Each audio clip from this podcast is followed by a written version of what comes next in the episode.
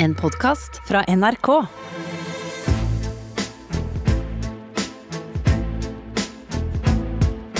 Trump mot verden med Gjermund Eriksen og Sean Henrik Matheson. I think we're doing very well. We're going to have an exciting night. It would be very, very proper and very nice if a winner were declared on November 3rd instead of counting ballots for two weeks, which is totally inappropriate. And I don't believe that that's by our laws.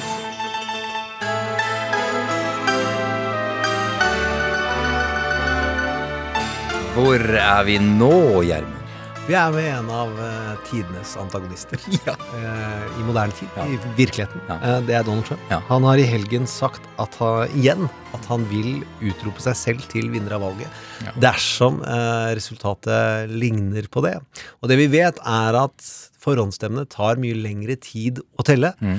Eh, og dermed så er det god sjanse for at han leder på en god del, eh, i en god del delstater, og så vil det bli tatt igjen allikevel. Han vil stjele valget. Det vil jeg jo si, og at det er juks. Og han eh, har jo da hatt tradisjon for dette, at han sier høyt det han har tenkt å gjøre senere, eh, og tror at det blir mindre forbudt av den grunn. Vi husker jo at han sa 'Russia, if you're listening', eller hvordan han eh, gjorde 'the perfect call', som fikk han helt ut i riksrettssak ved å be om at Ukraina skulle blande seg inn i valget. Eller hvordan han da ga Comey sparken og innrømmet det på nasjonalt fjernsyn. Ja visst. For, for, å, for å dekke seg sjæl og for å få mindre stress. Og det å ville stjele et valg og jukse, syns jeg er ille. Men hør her. Det er verre. Our doctors get more money if somebody dies from COVID. You know that, right? I mean, our doctors are very smart people. So what they do is they say, "I'm sorry, but you know, everybody dies of COVID." But in Germany and other places, if you have a heart attack or if you have cancer, you're terminally ill, you catch COVID, they say you died of cancer. You died of heart attack. With us, when in doubt, choose COVID. It's true. No, it's true. Dette er helt vilt. Ja. Og hvor kynisk skal du ikke være for å si at korona ikke er farlig? Nei, det- I et land med så mange smitta og så mange dødsfall.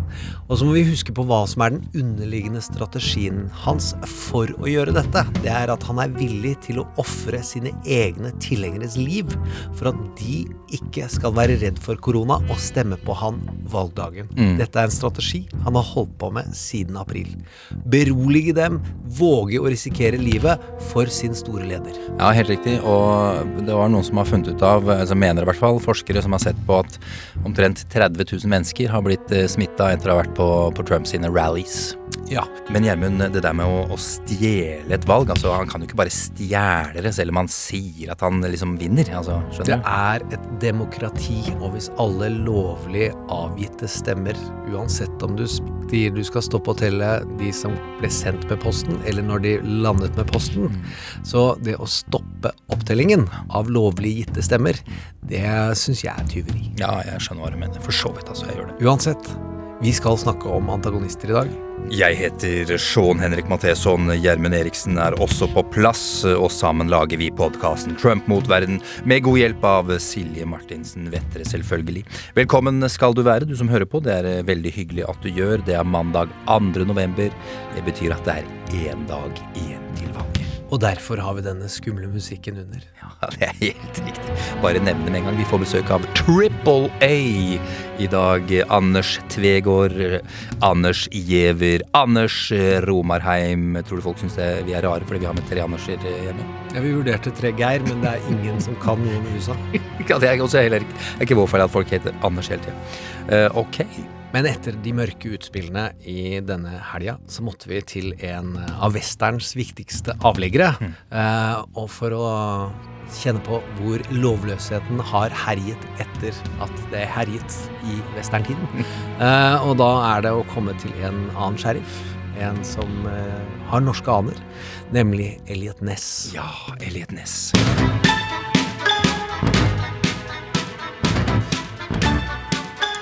Ja, og det er en norsk ettet eh, skattejurist, hvis jeg ikke husker helt feil. som uh, jobba i Chicago eh, under forbudstida mot en annen stor verdenskjent antagonist, nemlig Al Capone. Al Capone. Og man klarte ikke få has på han med de vanlige etterforskningsmetodene, eh, og det ble det laget en film av. Eh, og hvor eh, jeg syns det kan fungere godt som en metafor på den antagonisten vi nå har med å gjøre. Eh, og la oss høre her når eh, Kevin Costner, som spiller i denne rollen, har gått på en skikkelig smell, ikke skjønt at halve politiet er korrupt, og når han prøvde å raide et svært lager, så var det ikke noe sprit der. Eh, for det var det Al Capone drev med. Mm. det var tøysete paraplyer. Og han er lei seg, han står på en bru, og så kommer han eh, til å snakke med en eh, politimann som går forbi. Now, what do you think you're doing? Hmm? You want to throw your garbage? Throw it in a goddamn trash basket. Do you have more important things to do? Yeah. But I'm not doing them right now. We understand each other. Og en kjent stemme der også, Gjermund. Vi måtte til Sean Connery denne helga her, etter der vi var. Ja. Og det er en av hans mange store roller, og jeg tror han vant Oscar for denne. Ja, jo, for beste birolle. Og det som skjer, er at Elliot Ness kaster et lite papir utfor brua idet en politimann går forbi. Og denne gatepolitimannen som Sean Connery spiller, eh, er jo en eldre mann som vi eh, etter hvert Elliot Ness trenger å søke hjelp av, og nå skal vi høre hvordan de blir kjent for første gang. Wait a minute. What the hell kind of police you have in this goddamn city, huh? What do they teach you? You just turned your back on an armed man. You're a Treasury officer. Yeah, how do you know that? I just told you I was. Who would claim to be that who was not? How did you know I had a gun? What do you want? A free lesson in police work? No. Are you okay, pal? I had a rough day on the job. Ah. Are you going home now? I was about to. Well, then, you just fulfilled the first rule of law enforcement. Make sure when your shift is over, you go home alive. Here endeth the lesson. Ja, here ended the lesson. Yes. Og så skjer det en del ting i fortellingen eh, som er av eh, alvorlig karakter, og Elliot Ness får ikke helt tak på han. Og til slutt så kommer Sean Connery, eh, sin karakter, og besøker han i en kirke. Eh, og han eh, sier han er villig til å lære Elliot Ness hvordan politiarbeid under Al Capones tid faktisk må gjøres. At det er hardt arbeid, og du må ikke helt følge boka. Bare hør her. You said you wanted to know how to get Capone. Do you really want to get him? You see what I'm saying? What are you prepared to do? Everything within the law. And then what are you prepared to do? If you open the ball on these people, Mr. Nash, you must be prepared to go all the way. Because they won't give up the fight until one of you is dead. I want to get Capone. I don't know how to get him. Want to get Capone? Here's how you get him. He pulls a knife, you pull a gun. He sends one of yours to the hospital, you send one of his to the morgue. That's the Chicago way. And that's how you get Capone. Og det vi da er med på, kan vi si, hvis vi skal prøve å bruke dette litt metaforisk, er at Joe Biden ligner litt på Elliot Ness, som er en ganske traust, kjedelig familiefar som følger de gode gamle reglene om hvordan det, eh, han har blitt oppdratt gjennom Senatet. At vi følger de og de spillereglene. I fjor mars så var det noen i Det demokratiske partiet, og utrolig tett på Barack Obama, som sa at ok, du har kommet så langt, nå må du ha ny kampanjeledelse. Og så ble det henta inn den tredje øverste i Obama-kampanjen, som er en kvinne som ikke har stikket fram huet sitt ennå, Nei. på et eneste intervju jeg har sett. Pussig, vi har snakka med henne. Hun har vært uh, ukas karakter, tror jeg, for en stund siden. Ja, Ja. men uh, hun har valgt en tilbaketrukket posisjon. Men de har kjempa alt de kunne. Det har vært kjempehardt arbeid, eh, og vi får se hvordan dette ender. Det vi hadde tenkt å snakke om i dag, som det man kan se en sånn underliggende fortelling rundt Elliot Ness, er at han er en familiefar. Han tar familie utrolig alvorlig. Og han er hardtarbeidende og står opp om morgenen. Og det, det familievestern gjør, er nemlig å berømme og belønne det at far i huset går på jobb. Selv om det er vanskelig, selv om det er et lite hus på prærien, eller om det er McCain som skal bare sette opp et gjerde langt vold, og det stikker av kuer og hester hele tiden. Jeg bo, er fra landet, men jeg er ikke kjempebevandra i metaforene. til metaforene. hvorfor jeg selv, jeg vet Ja. hvordan dette funker. ja. og det harde arbeidet uh, tror jeg ganske mange ser på uh, Donald Trump som tidenes politiske motstander. Aldri har noen måttet kjempe mot noe som må bort så hardt som det vi opplever nå. Og at han er villig til å ofre sine egne tilhengeres liv, syns jeg er vilt kynisk. Og at han har lyst til, eller han har planlagt, å stjele et valg ganske kynisk og hardt i mange måneder, det syns jeg også er utrolig hardt.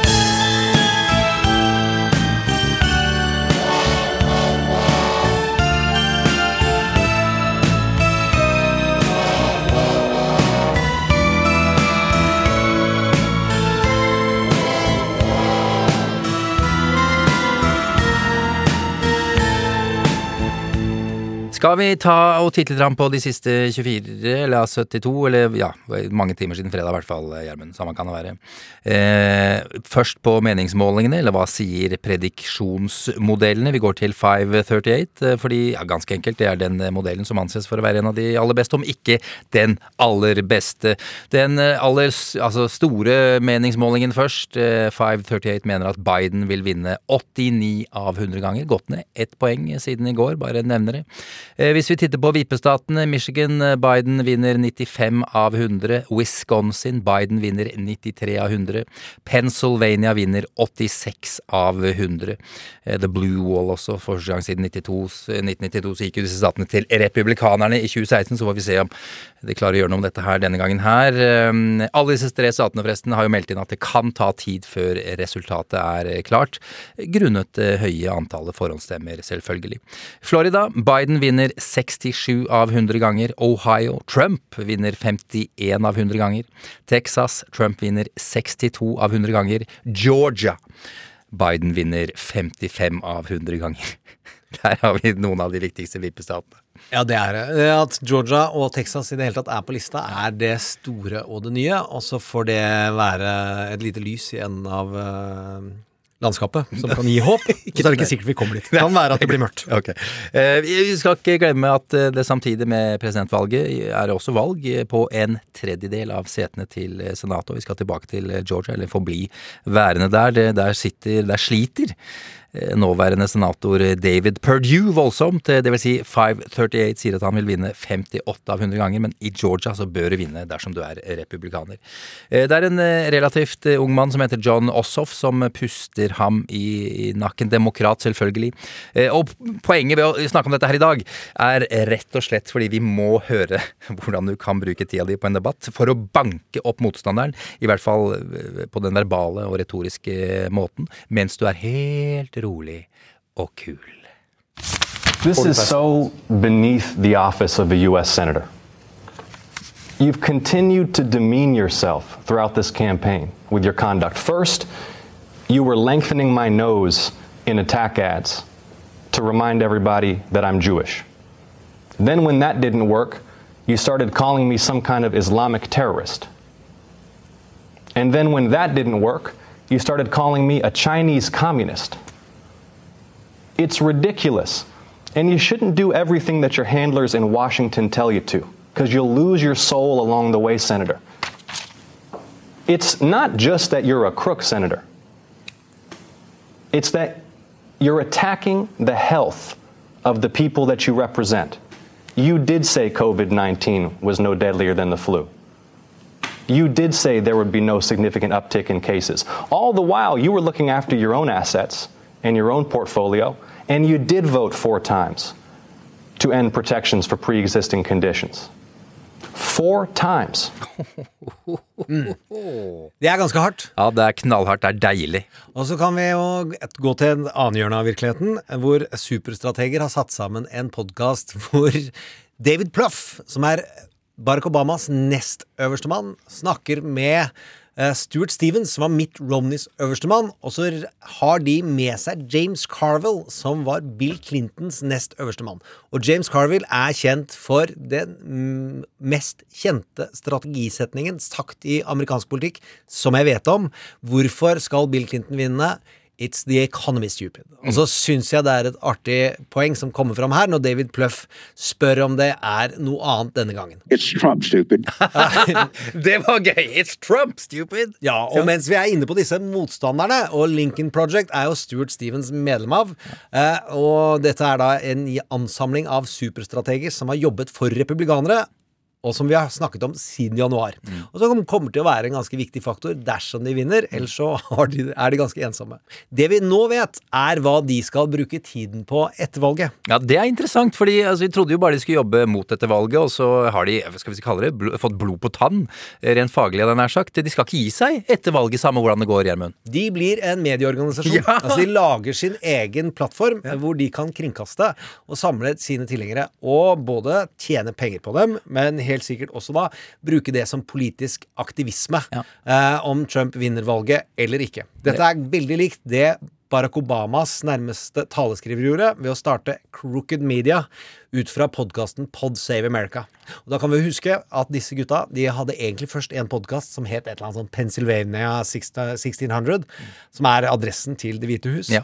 Og så ja, nei, vi følger valgnatta, for Hillary vinner helt sikkert. Og så kringkaster de seg sjøl på YouTube eller Facebook, og så kan du sitte, kunne du sitte og se hvordan de da begynner å gråte når dette resultatet skjer. Ja, ja, ja. Og dette er grunnen til at vi ikke er live på Facebook og YouTube i morgen kveld. Eh, og Crooked Media er jo et lite nikk til Trump sin eh, forhold til eh, media, og ikke minst eh, Hillary. Crooked Hillary. Og de har lagd et- et podkastimperium hvor de har utrolig mange svære, populære podkaster. Og det er den mest populære politiske podkasten i USA, tror jeg. Eh, og da hørte vi Lovett, som er han ene grunnleggeren, gikk opp hva slags aktivisme de da hadde klart å prestere ut ifra den organisasjonen, på to parametere som vi kan eh, høre her. I wanted to close with some of the facts about what you have done as part of Vote Save America. These numbers are incredible, and I and I do think it is worth pausing and reflecting on just how much work everybody listening has done. We have raised over $42 million. 285,000 people have signed up to adopt a state. 4,000 have joined our volunteer community. Almost 8 million calls made, 6.5 million texts sent, 2.5 million total unregistered voters contacted through all of VSA's registration efforts. We have recruited 27,000 poll workers from all 50 states in DC and 1,700 voter protection lawyers. That is incredible. Som dere hører, 41 millioner dollar for å drive folk til stemmeurnene, og ikke minst samarbeide i Georgia med ho grunnlageren Stacey Abrams om å registrere folk over hele USA. Altså en enorm frivillighetsmaskin. Ja, Stacey Abrams var hun som nesten ble guvernør, men som eh, ikke ble det allikevel. Det er bare noe fusk med stemmene der også, men det er en annen historie som vi skal ta en annen gang. Ja, Og så var hun backing-vokalist i Bananarama. Å, Bananarama, gi meg Bananarama anytime! ja, eh, forholdet mellom Fox eh, og Donald har jo eh, surna noe, Gjermund. Det er ingen tvil om. Eh, Fox gjør nemlig ikke som Trump vil hele tida. Eh, bare nevne, skal snakke litt om det, hva som har skjedd der i det siste. Men de har også kommet med en ny meningsmåling der de har spurt folk om hvem de stoler mest på eh, når det gjelder å få orden på covid-19-kaoset. Eh, Trump eller Biden, og eh, de aller fleste mener altså at Biden er eh, riktig mann for det. Bare halvparten av de spurte mener at pandemien er under kontroll, og det blir færre og færre som mener at han har kontroll på økonomien også. Dette er altså Fox News, en meningsmåling de har laget, som forteller dette her. Betyr det noe mer da, Gjermund? Siden det er Fox, mener jeg. Det er at resultatene spres på Fox, og det vil si at eh, Donalds base får høre at han egentlig ikke har vind i seilene, og at han svekkes. Eh, og så er det også et kudos til eh, Fox. De har et seriøst meningsmålingsapparat. Eh, og de har også et eh, seriøst valgavklaringsapparat, men det skal vi snakke om i morgen. De er blant de to som utroper vinnere. Og mye tyder på at de ikke kommer til å gjøre som Donald vil der heller. Oh, det blir spennende. Carl eh, Rove, gode gamle Carl Rove, han var på kanalen i går, han også. Rove, altså den gamle rådgiveren og strategen til Bush den yngre, en av hans viktigste menn, og gikk for å være en slags Satan i sin tid. Det var i gode gamle dager, Gjermund. Da var lista lavere for å være Satan. Det er helt sikkert. Han ble kalt Bushes brain. Yes. Eh, og myten om at Bush var dum, er eh, ganske overdrevet, men at Carl Rove var utrolig flink strategisk. Du kan høre gamle podkaster hvor han og David Axelrod gjør en lang samtale om deres liv. Mm. uh, og får frem menneskeligheten i Carl Rove. uh, så er han fortsatt en evil bastard når det handler om kampanjemaskinen hans. Ja, ja. Han har gjort mye fanteri. Ikke rent juks, men mye fanteri. Axelrod, altså. Artig å høre samtalen mellom eh, Obamas gamle mann og ikke minst eh, Ja, ja. Og det er, det er gjensidig respekt der, selv om den ene sikkert syns det er for gærent det han andre gjorde. Ja, ja, ok. Poenget er, Ja, ja. i samtalen i går, på Fox News Sunday, så roser Rove Biden. Bare hør her. Uh, it, it, in retrospect, it was brilliant to go to ground and to keep the, uh, you know, st- hang out in his basement studio in Wilmington and let the entire focus remain on the president. President was happy to uh, have that focus. He was happy for, to have that attention, but it helped keep it, the focus on him. Ja. Og det du hører her, er at En ting er at Rove roser Biden, men også ser på det at det var jo et change Mm. eller choice election. Og det Biden gjorde klokt, var at valget handler om vil du ha Trump eller ikke. Mm. Jeg er ikke. Det er greit. Ikke sitter her nede i Nei, kjelleren. nei, nei, helt i orden. Og så, sa, så var han også ganske rund i kanten om at Hunter Biden-maset, det er tull. På fredag så spilte vi jo Tucker Carlson, at han eh, var hardt på at eh, Pakke i post ja, er blitt ting borte ja, i posten ja, ja, og alt mulig sånt. Han også justerte seg på fredag. Oh, hva sa han? Han sa vi må huske på at Hunter Biden er et menneske, og jeg vil ikke gå inn i dette her noe mer. Han vil ikke snakke om sin egen konspirasjonsteori Nei, men det lenger! handler om å Han gir seg selv en avrunding hvor han later som han er menneskelig. For det jeg tror han hadde tatt den vurderingen okay, før. ja, ja. At det, her har de ikke funnet noe, og derfor måtte de avrunde før fredagen. Tilfelle dette svinger andre veien. Ja, bare kjapt, Det var en pakke da som ble sendt fra Fox i New York til California, hvor Tucker Carlson var, og så ble den borte i posten, og så ble selvfølgelig det en gigantisk konspirasjonsteori. eh, hvis du ikke fikk med deg det vi snakka om på fredag. Den ble jo ikke gigantisk. Nei, bare, ble- nei. det forsøket var gigantisk. gigantisk. Forsøket var gigantisk, ja, det er helt riktig. Og så et stort møte mellom to menn skjedde forrige uke, som jeg regner med at alle bare parkerte bilene og de forlot alt sammen og gikk ut og satte på seg øretelefoner. Som om vi var i 1950, liksom. Det hørtes så rart ut. Ja, men det, det var nei, sånn som det var i På gaten. Ja, men sånn som det var i World of Clowns. Ja, ja, det var akkurat det, var det jeg fikk. ja, Ja. ja, ja. Men det er Ezra Klein, eh, sin podkast, fikk besøk av Nate Silver. Og det er jo to av våre store autoriteter i tilgangen på hvordan amerikansk politikk egentlig er skrudd sammen. Og så hadde de en timeslang samtale om hvordan verden egentlig hang sammen, som jeg syns var et mestermøte. Ja, det er jo helt klart. Ezra Klein er jo mannen bak nettstedet Vox, som vi snakker om her eh, ofte. Eh, Han har gjort det sitt eh, til sin eh, mission her i livet, å forklare vanskelige ting på en enkel måte, og det gjør han helt strålende. Eh, Vox må du sjekke ut. Også Nate Silver 538, selvfølgelig. Ja. Og begge to starter, Den ene starter i New York Times, den andre i Washington Post. Og så sier de jeg vil ha det litt sånn og litt sånn. Og så sier, de to medieorganisasjonene, som er klassiske, seriøse, vi liker begge. Ja, men du må høre på oss. Greit, da starter jeg for meg sjøl. Og vips salabim, så lager de to store enheter som formidler politikk på en annen måte enn disse moderskipene. Eh, og som eh, den ene Sitter som ei kule. Ja, og det sitter som ei kule. Sitter som ei kule. I mestermøtet så kommer det fram noen ting, nemlig at vi ikke bomma når vi framstilte hva Nate Silver står for. deilig. Sto for Ah, på fredag. Men også hvor han er ganske eh, tydelig på hvor vinnersjansene ligger. Forrige runde så bommet meningsmålingene noe, men det var innenfor feilmarginen egentlig. Eh, og det som skal til nå for at Trump skal vinne, er en historisk meningsmålingsfeil som vi ikke har sett maken til eh, siden Hoover som han nevner.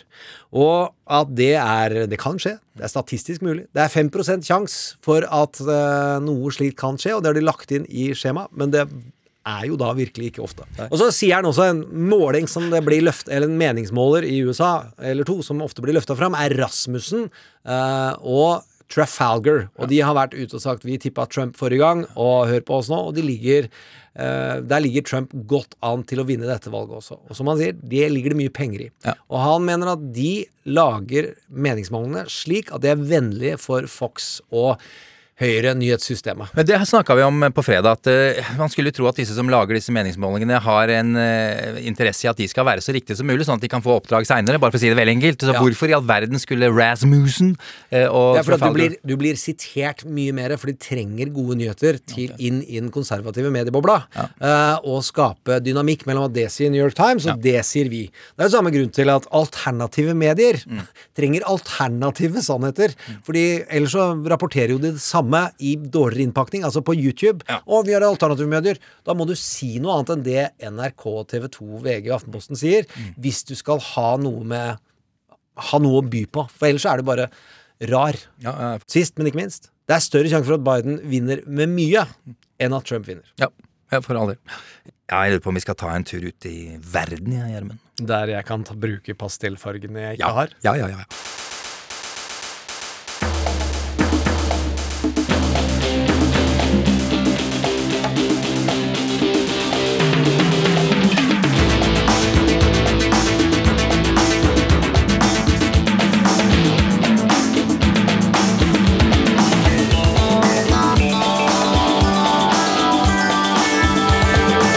Trump mot verden. Vi skal til byen Miami og den viktige vippestaten Florida. Der befinner NRK-korrespondent Anders Tvegård seg. God morgen, eller god natt, Anders. Riktig god, eh, god dag. Ja, god dag, vi sier det sånn. Eh, Du har jo vært på det som jo, ja, må være en av de siste folkesamlingene Trump får tid til å ha. Eh, Ikke så lenge siden det var slutt nå, var det vel det, Anders? Nei, det var vel en eh, halv time siden han danset seg ut til YMCA, og da var klokka nesten ett eh, amerikansk tid. Og det er jo ikke ofte du har politiske møter rundt eh, midnatt, en slags sånn midnattsmesse, men det viser jo bare hvor, hvor, hvor engstelig eller hvor viktig Trump-kampanjen ser på det å kunne mobilisere folk her i Florida. Men hvordan så det ut? Det var jo en flyplass. Vi sto utenfor eh, flyhangarene på Opaloca, Det er en sånn privatflylignende flyplass i eh, Miami. Så lander Air Force eh, One. Eh, Da har det allerede vært timer med politiske taler. Det har vært cubanske rytmer og salsa-dans. Det har vært plakater som har blitt liksom, testet, holdt i været, hvor det står 'Blacks for Trump', 'Cubanos', 'Latinos' for eh, Trump. Um, og og en, en folkemengde på flere tusen mennesker som, som hadde møtt opp. Uh, flere av dem hadde ventet der seks-sju timer på å komme nær presidenten. Det var også et uh, pressekorps, uvanlig mange, som hadde uh, kommet til, til denne åpne flyplassområdet for å da høre på presidenten. Og um, noe av det som um, var før han kom, eh, så var jo guvernøren der, eh, DeSantis. Det var um, Marco Rubio. Ja, Okay. og, og, og det er klart at de, de varmer jo opp De varmer jo opp folket uh, på forhånd. Og, og f.eks. Marco Rubio han var sånn at ja, jeg, jeg har egentlig lovt meg selv å ikke snakke stygt om Joe Biden, men nå er jo klokka ti uh, på kvelden. Han har jo lagt seg allerede. Og, og, og da svarer folkemengden hysj, hysj, eller don't wake him up, don't wake him up, og i sånne store rop. Eh, Og Robio fortalte jo også at det har vært et tøft år, et virus som kom fra et annet land. Og det landet var ikke Taiwan, som han sa. Og snart skal vi få en vaksine, og den skal Kina betale for. Så, så altså det, det er liksom en, et, et, eh, folkemøte som har en stor underholdningsverdi. Det er gratis. Det er masse eh, liv og røre. Og sosial distansering, det bryr de seg absolutt ikke om. Og her i Miami-Dade så er det påbud om bruk av munnbind om du ikke klarer å holde tre meter avstand. Og det kan du jo iallfall ikke når flere tusen danser salsa. Hva var det Trump fokuserte på i den siste talen? Ikke, altså, Fokus er ikke hans styrke. Men eh, dro han fram noen historier som du ikke hadde hørt før? Det er jo mye av det samme, og dette her var jo det 14. stoppet han har gjort i den sjuende delstaten denne helga. Så han har hatt et uh, stramt program, uh, men han tar jo da og gjentar seg mye. Det, det som jeg ikke hadde hørt før, var at han eh, flørtet med tanken på å sparke Fauci, altså smitte, USAs smitteverner. Og, og da roper eh, publikum ut eh, 'fire Fauci, fire Fauci'. Eh, Og, og det er jo med Biden også 'lock him up, lock him up'. Og det var ikke 'lock her up', men nå er det Biden som også skal, skal stenges inne. Så det er mye som går på lov og orden og på Høyesterett, og på hvor fælt sosialisme er. Og akkurat det med sosialisme har et en spesiell gjenklang i Miami, fordi du har så mange fra Cuba, Venezuela, Nicaragua, familier som har flyktet ifra sosialist- eller narkoregimer. Ja, eller, eller kommunist, men, men som da, når de hører at Biden har tenkt til å innføre en sosialiststat, så kommer de ikke til å hoppe den veien. Og det han også la vekt på, var at Kamala Harris egentlig er til venstre for Bernie Sanders, og at marxisme aldri skal få grobunn i USA. Det Er det samme, med andre ord. det, det er det samme. Men hva, skiller- hva syns du sånn i auramessig skiller Trump på scenen 2016 og Trump på scenen i 2020 nå på slutten? Han har jo enda mer energi enn vanlig, på en måte. Altså, det er, det er jo, han er godt over 70 år, og han uh, forteller uh, skrøner. Han klarer ikke å holde en rød tråd, men han klarer å holde på publikum og mobilisere og få folk til å uh, rope og kjenne budskapet. Og, og det, er jo, det, er jo, nesten blitt en livsstil for de, de folka der, som, altså tilhørerne, som kommer og bruker en søndagskveld ute på en flyplass det som overraska meg litt der, var alle latinosene som, um, som, som, sa til meg at de hadde uh, At de egentlig så på seg selv som demokrater.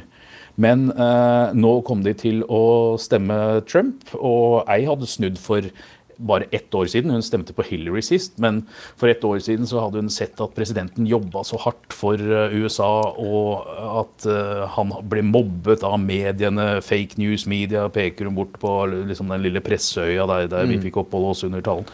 Um, og, og, at hun sa at hun var så naiv da, da Hillary styrte, fordi hun var selv uh, kristen, og Hillary var for abort, og det presidenten tok liksom de kristnes side.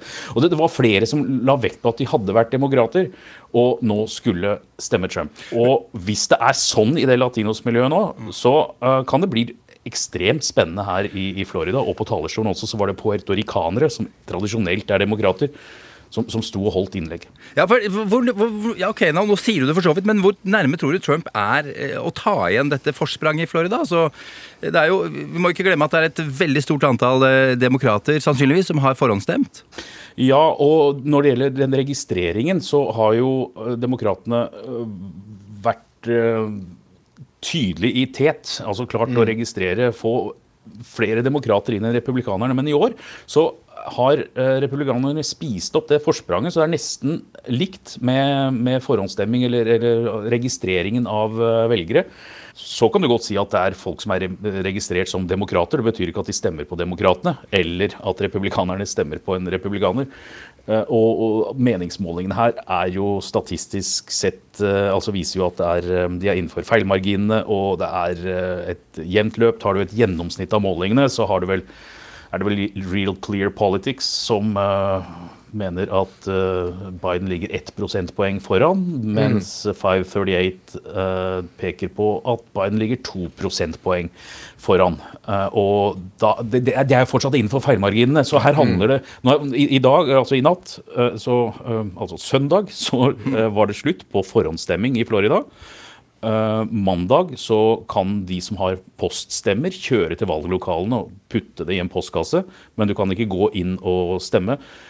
Så det kandidatene holder på med nå, er å prøve å få folk dytte det inn i valglokalet på selve valgdagen. For det har jo vært et rekordoppmøte hittil med, med forhåndsstemmer. Men det, men det, er helt umulig, vanskelig å, ja. å, å si uh, liksom hvordan, hvordan, det ligger an. Jeg må bare si at jeg ble overraska over alle de som sa at de hadde vært eh, demokrater og nå gikk over til, eh, til Trump. Du jo, eh, sa jo at du var på et pensjonisttreff dagen før. Jeg tror det var dagen før, i hvert fall. Og selv der så trener Trump dem opp til å bue, bue mot pressekorpset. Merka du det samme agget i går?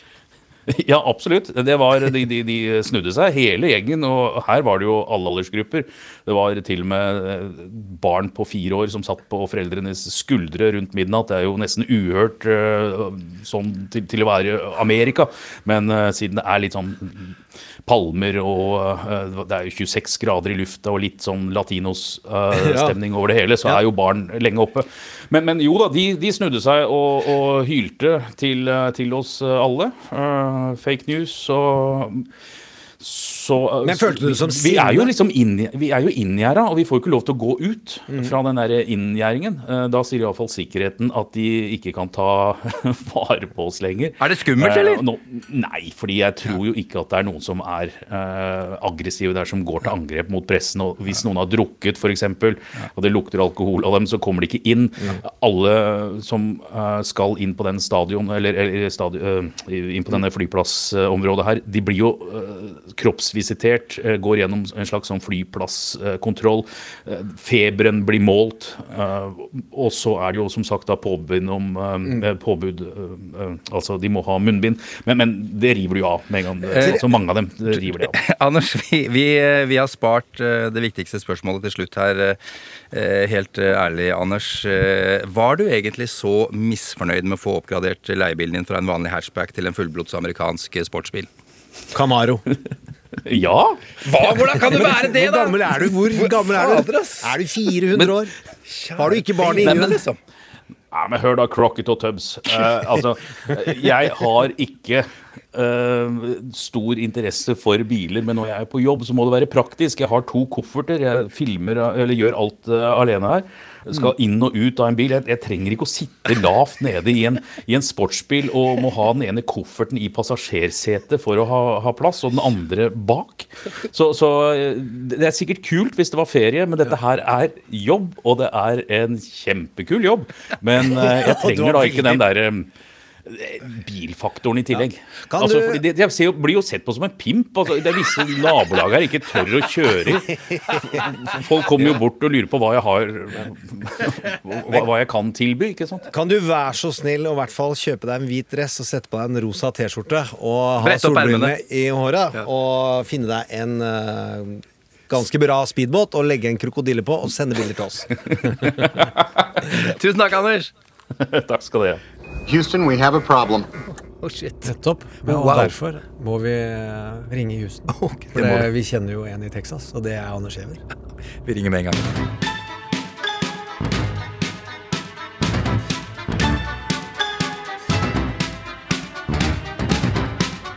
Trump mot verden. Med Gjermund Eriksen og Sean Henrik Matheson.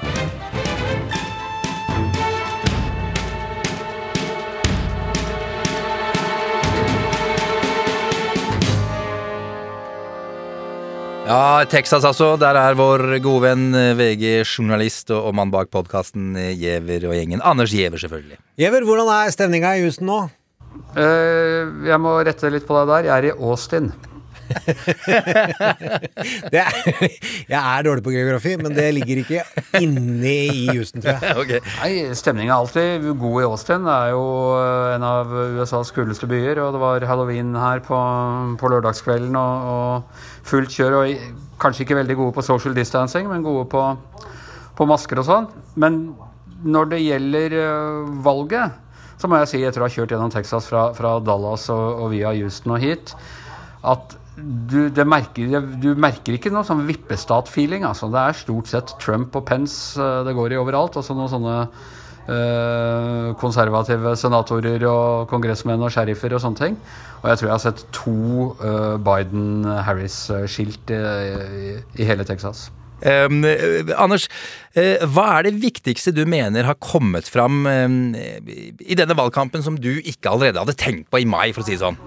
Oi, i mai Eh, Nei, altså jeg tror det, det, det er alltid spesielt å komme hit. Eh, og eh, særlig når du, du kommer til de statene som da ja, Type Texas. Altså, nå er jo Texas eh, per def en vippestat. Eh, men du merker Trump-tilstedeværelsen mye kraftigere her. eh, og han har mye mer aggressiv markedsføring eh, på TV. Og du føler mer på den kulturkrigen enn du kanskje gjør hjemmefra. At den, at den liksom er eh, omtrent i, i gatene. Eller så tenker jeg det at eh, det er altså Trump har et psykologisk overtak. Eh, selv om alle de store meningsmålingene nå tyder på eh, en Biden-seier. Eh, og, og selv liksom med feilmarginen fra forrige gang så vinner han og sånne ting, så er demokratene nervøse. Og republikanerne er veldig selvsikre. For de hører på Trump, og Trump sier at de skal vinne, og da stoler de på det. Har du sett noen sånne Trump-train som har omringa deg noen gang? Nei, men jeg har jo heller ikke kjørt rundt med sånn Biden-Harris på den der Toyota Corollaen jeg, jeg leier, så det er en grei måte å unngå, unngå det på. Men jeg, det er mye snakk om den videoen, og ikke minst etter at Trump da gikk ut og liksom uh, sa at I love Texas og, og ga sin eh, endorsement til det. Så er det mye snakk om det. Eh, Anders, tre tall som Steve Kornacki, som er tallknuseren på MSNBC, trekker fram for å forstå tek eh, Texas, er en tallrekke som er 16-9-3. Altså at Obama tapte for Romney med 16% mens Hillary tapte for Trump med 9% mens eh, Beto O'Rourke eh, tapte for Ted Cruz med bare 3 eh, for to år siden. Senatskampen, da. Ja. Hvis Texas skulle falle i demokratenes hender, hva er det som kan forklare det i tilfelle? Ja, ja, Da viser jo nettopp de tallene du nevnte her nå, at dette er ikke noe som bare har skjedd pga. Trump eller Biden. Eh, dette har vært en utvikling, og den har vel kanskje særlig med, med demografi å gjøre. Eh, både at det er eh, flere Eh, innvandrere fra type Mexico og sånn som gjør seg gjeldende, og også at en yngre generasjon texanere kanskje ikke er like konservative som, som den eldre generasjonen. Og særlig da i, i bysentrene. Liksom, by som Austin er jo universitet og, og mye liberale holdninger eh, ellers. Så det var jo eh, Både du og jeg husker vel jo en gang i tiden at California var eh, republikansk. Eh, det var jo det under, eh, under Reagan, det var vel først under Clinton at, at, de snudde. Så det er sånne demografiske forandringer som, som kan skje over tid. Merker du noen endring i blant hvite øvre middelklasse i forstedene i Texas, eller får du noe inntrykk av noen endring der fra forrige gang? Ja, om Altså I Texas eller i USA i det hele tatt. Jeg tror det var det var nok en større kontingent av eh, hvit øvre, middel, øvre middelklasse som tenkte forrige gang at la oss gi ham en sjanse. Uh, de likte av en eller annen grunn kanskje ikke Clinton så godt. Uh, de var skeptiske til Trump, men de tenkte at vel, det kan være verdt å prøve. Når vi snakket om i alle år at vi burde få en businessmann istedenfor en politiker til å Og han har jo hatt suksess osv. At det var verdt å prøve. At de tallene åpenbart kan ha, ha, redusert seg noe. Og så vet vi jo at det er en god del eldre hvite folk som er mer skeptiske nå. og Det har jo med hele covid-situasjonen å gjøre, og måten han håndterer dem på. Anders, eh, litt på tampen her nå. Eh, jeg klarer ikke la være. Når valget er eh, over, hva slags tiki-drink bør folk lage seg da? Vi forutsetter at alle vet at du er en tiki-drink-entusiast av dimensjoner. Ja. Nei, det kommer litt an på hvem som vinner. Hvis Trump vinner, så tror jeg du skal lage deg en dobbel zombie. og hvis Biden vinner, da er det vel på plass med en god, gammeldags Mai Tai, tenker jeg.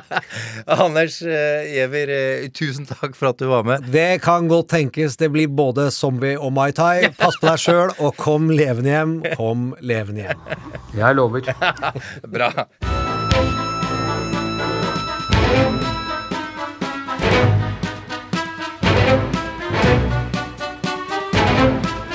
Trump mot verden med Gjermund Eriksen og Sean Henrik Matheson.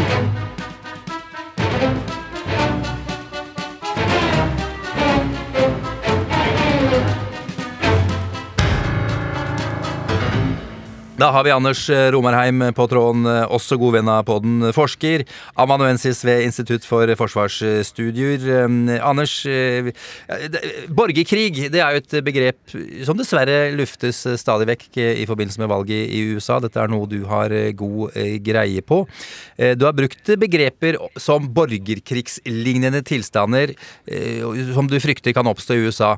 Hva er det, for å være veldig sånn basic til å begynne med her? Ja, altså, Det er jo ikke borgerkrig i USA, men det vi ser er jo at politiske fraksjoner tar til gatene og går løs på hverandre i sammenstøt. Og de er bevæpna, og det begynner å bli en form for organisering rundt det hele. Proud Boys på den ene sida, Antifa og osv.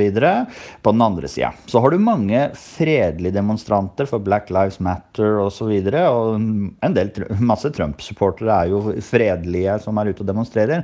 Men når du har tilspissa eh, situasjon som dette her, Kyle Rittenhouse, eh, drap av politiske motstandere i gateslagsmål, så er det eh, starten på en politisk kamp der du sier A, B og C, og hvis du kommer deg ut til KLMNO, så er du på borgerkrig. Du nevnte Carl Rittenhouse. Hvem er det?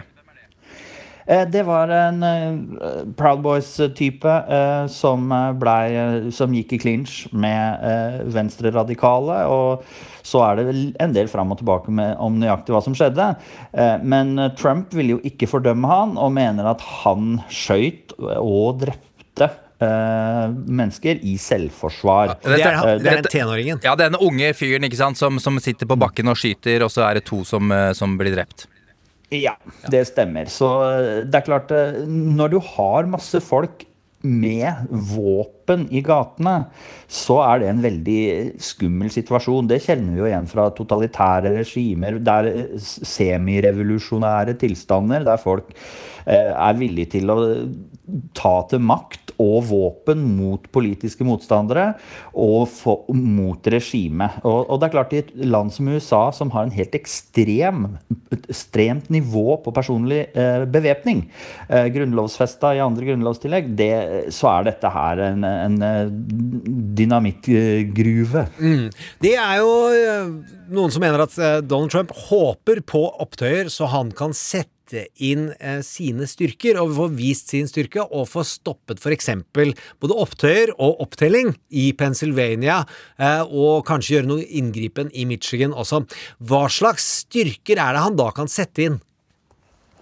Ja, det, det der er jo litt komplekst, men i, i hovedsak så er jo svaret eh, home guard, da, en form for eh, heimevern eh, som eh, står på den amerikanske presidentens kommando. Eh, men normalen er jo at eh, de lokale borgermestere, guvernører, inviterer inn eh, federal government hvis situasjonen er ute av kontroll og de trenger opprørsnedkjempelse av mer militær art. Men Trump har jo vært helt stikk motsatt. Han har jo bare kjørt på og sagt Portland og alle andre demokratisk leda byer. Bare ring meg, så skal vi fikse det. Da sender vi inn hæren, og så blir det orden på sakene.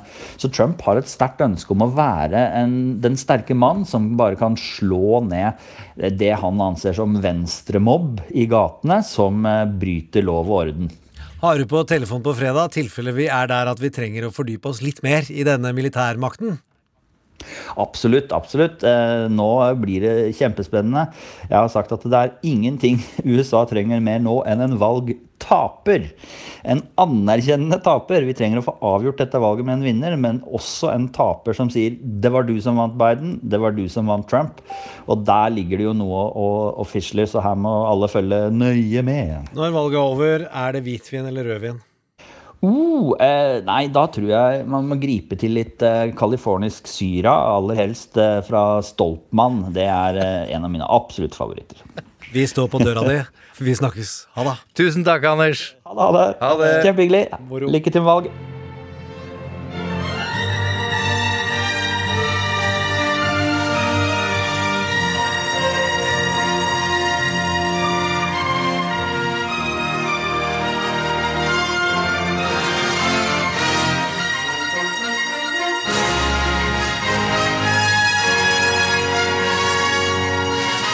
Trump mot verden. Ok, Gjermund. eh, I, morgen- I morgen er det den 3. november. Det er helt spinnvilt. ja, men vi skal ikke mase om det, Nei, det, nei, nei. det høres Men jeg klarer ikke la være å ikke liksom gjøre et poeng ut av det. Og vi får besøk. Vi får Sofie Høgestøl om hvordan uh, ganske mye henger sammen. Så får vi Fridtjof Jacobsen inn på linje fra et eller annet sted i Texas. Usikker på hvor. Jeg tror han er i Texas. Min treffprosent i Texas har vist seg som ganske lav. Den er ikke så god. Nei. Det er greit. Og så er det mulig vi får tak i en eller to til. Men det er fortsatt hengende i snøret. Heng- ja. Og vi har stanga ute, og marken på kroken. Det var så mange eh, metaforer som jeg skal nå Jeg kontemplere aldri. og tenke på. Eh, I hvert fall, eh, vi høres igjen i morgen eh, til samme tid. Ja, men først så må vi huske på at vi skal også runde av Facebook-konkurransen i morgen. Oh, vi skal ja. ha tidenes konkurranse i morgen, hvor vi skal bare få ut kopper. Og så er det hva jeg syns vi skulle avslutte med. Og det var denne western-familiemyten om hvordan det er hardt arbeid, og hvordan landet må bygges. Mm. Så er det å drive kampanjer utrolig hardt arbeid. Og det er lite søvn. Og en av de beste talene om hvordan det er, holdt James Carville, han som jobbet for Bill Clinton.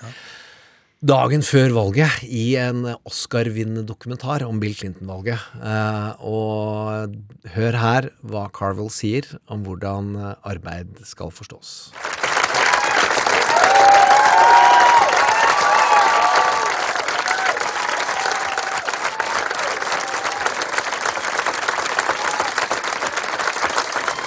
There's a simple doctrine outside of a, a person's love, the most sacred thing that they can give is their labor. And somehow or another along the way, we tend to forget that. And labor is a very precious thing that you have. And any time that you can combine labor with love, you've made a, a merger. And I think we're going to win tomorrow. And I think that the governor is going to fulfill his promise and change America. And I think many of you are going to go on and help him. I'm a political professional. That's what I do for a living. I'm proud of it. We changed the way campaigns are run. Used to be, there was a hierarchy. If you were on one floor, you didn't go to another floor. If you were somewhere on the organizational chart, there was no room for you there. Everybody was compartmentalized. And you people showed that you could be trusted. Everybody in this room. Everybody. And people are going to tell you you're lucky. You're not. Ben Hogan said golf is a game of luck. The more I practice, the luckier I get. the harder you work, the luckier you are.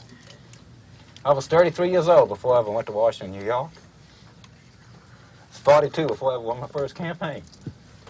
And I'm happy for all of y'all. You've been part, part of something special in my life. Now, never forget what y'all have done. Thank you.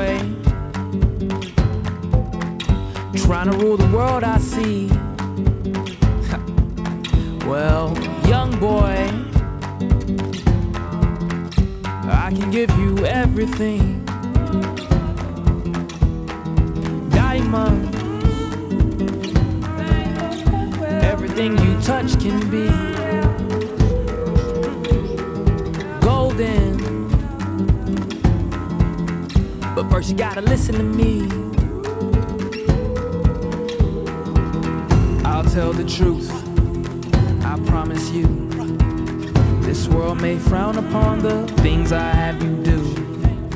But I got taste, and I got style.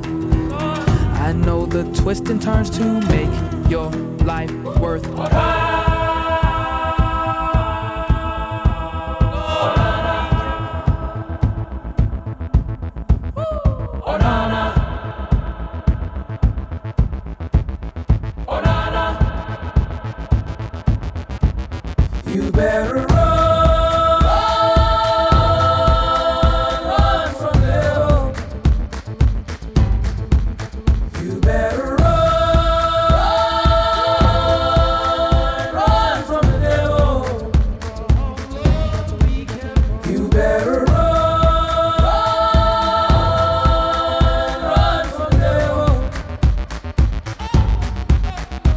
Har hørt en podkast fra NRK. Hør flere podkaster og din NRK-kanal i appen NRK Radio. En podkast fra NRK. Hei, jeg heter Eivind Sæther. Jeg er småbarnsfar og samboer. I Havarikommisjonen skal du få møte par som har gått fra hverandre. Vi ble så slitne at vi begynte å hakke litt på hverandre. Hvem skulle ta oppvaska, hvem lagde mat? Sammen med to psykologer skal jeg prøve å finne ut hvorfor det gikk galt, og hvordan vi kan unngå å havne der selv. Last ned podkasten Mellom oss og hør serien Havarikommisjonen i appen NRK Radio.